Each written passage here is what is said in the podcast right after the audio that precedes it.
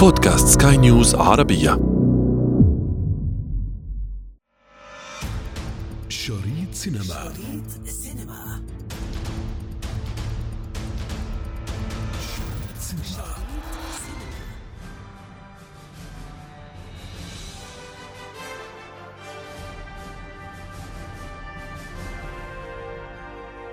نحدثكم اليوم عن اشتداد المنافسة بين المرشحين لما تبقى من جوائز الموسم في المقدمة البافتا البريطانية والأوسكار الأمريكي. لكن قبل ذلك مستمعينا الكرام دعونا نتحدث عن إعلان نتائج نقابة الممثلين الأمريكيين المعروفة بساك.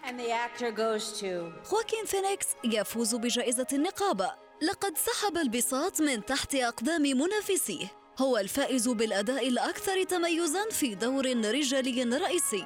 طبعاً يعود ذلك الفضل إلى فيلم جوكر الذي لعب بطولته وصاغ فيه الشخصية المخيفة كما لم يسبقه عليها أحد من قبل. علما بأن جاك نيكولسون أدى الدور سنة 1989 في باتمان. وقبلهما مثل سيزار روميرو الدور في مسلسل باتمان التلفزيوني في الستينات.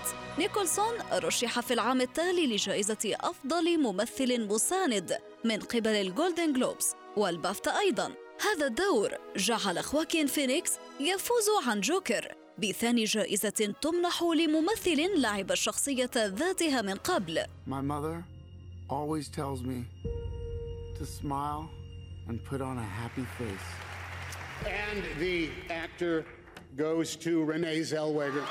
كما فازت ريني زيلويجر عن دورها في جودي وهي التي فازت كذلك بجائزة جولدن جلوبز كأفضل ممثلة أولى في فيلم كوميدي أو موسيقي بذلك تجاوزت مرشحات جيدات كسكارلت جوهانسون في ماريج ستوري So I'll tell Charlie what's happening, and Cassie, you then hand him the envelope. لورا ديرن كانت كذلك فازت بالجولدن جلوبز كأفضل ممثلة مساندة عن دورها في ماريج ستوري وها هي تعيد الكرة في جوائز ساج. And the actor goes to Brad Pitt for Once Upon a Time in Hollywood. براد بيت قاد بطولة الفائزين في سباق أفضل ممثل مساند كما كان فعل قبل حين قريب عندما منح جائزة أفضل ممثل مساند في حفل الجولدن جلوبس Thank you, my brothers, my sisters. This means so much. Um, more than I can possibly fathom.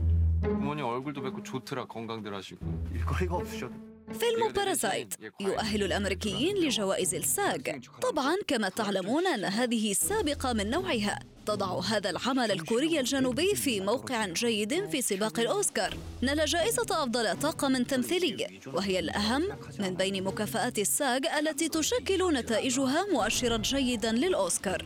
الفيلم دراما عائلية مع نفحة تشويق وبعد اجتماعي. يروي كيفية أن عائلة من دون عمل تفرض نفسها على يوميات أسرة غنية بما يؤدي إلى سلسلة من الأحداث الخارجة عن السيطرة.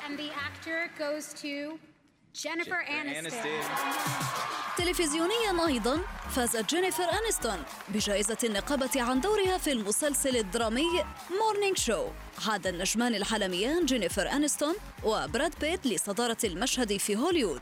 وذلك بعد انقطاع العلاقة بينهما لسنوات طويلة بسبب طلاقهما عام 2005 النجمان العالميان ظهرا في حفل جوائز الساج وهما يتبادلان الأحضان. وكان حديث مواقع التواصل الاجتماعي التي أشعلت بعد اللقطات التي جمعت بينهما What? Oh my gosh, this is so unbelievable.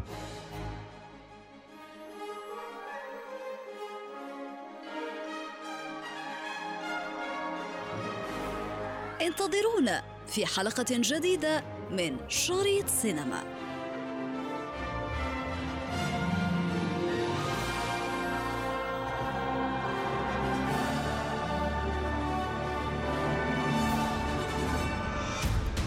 شريط سينما. شريط السينما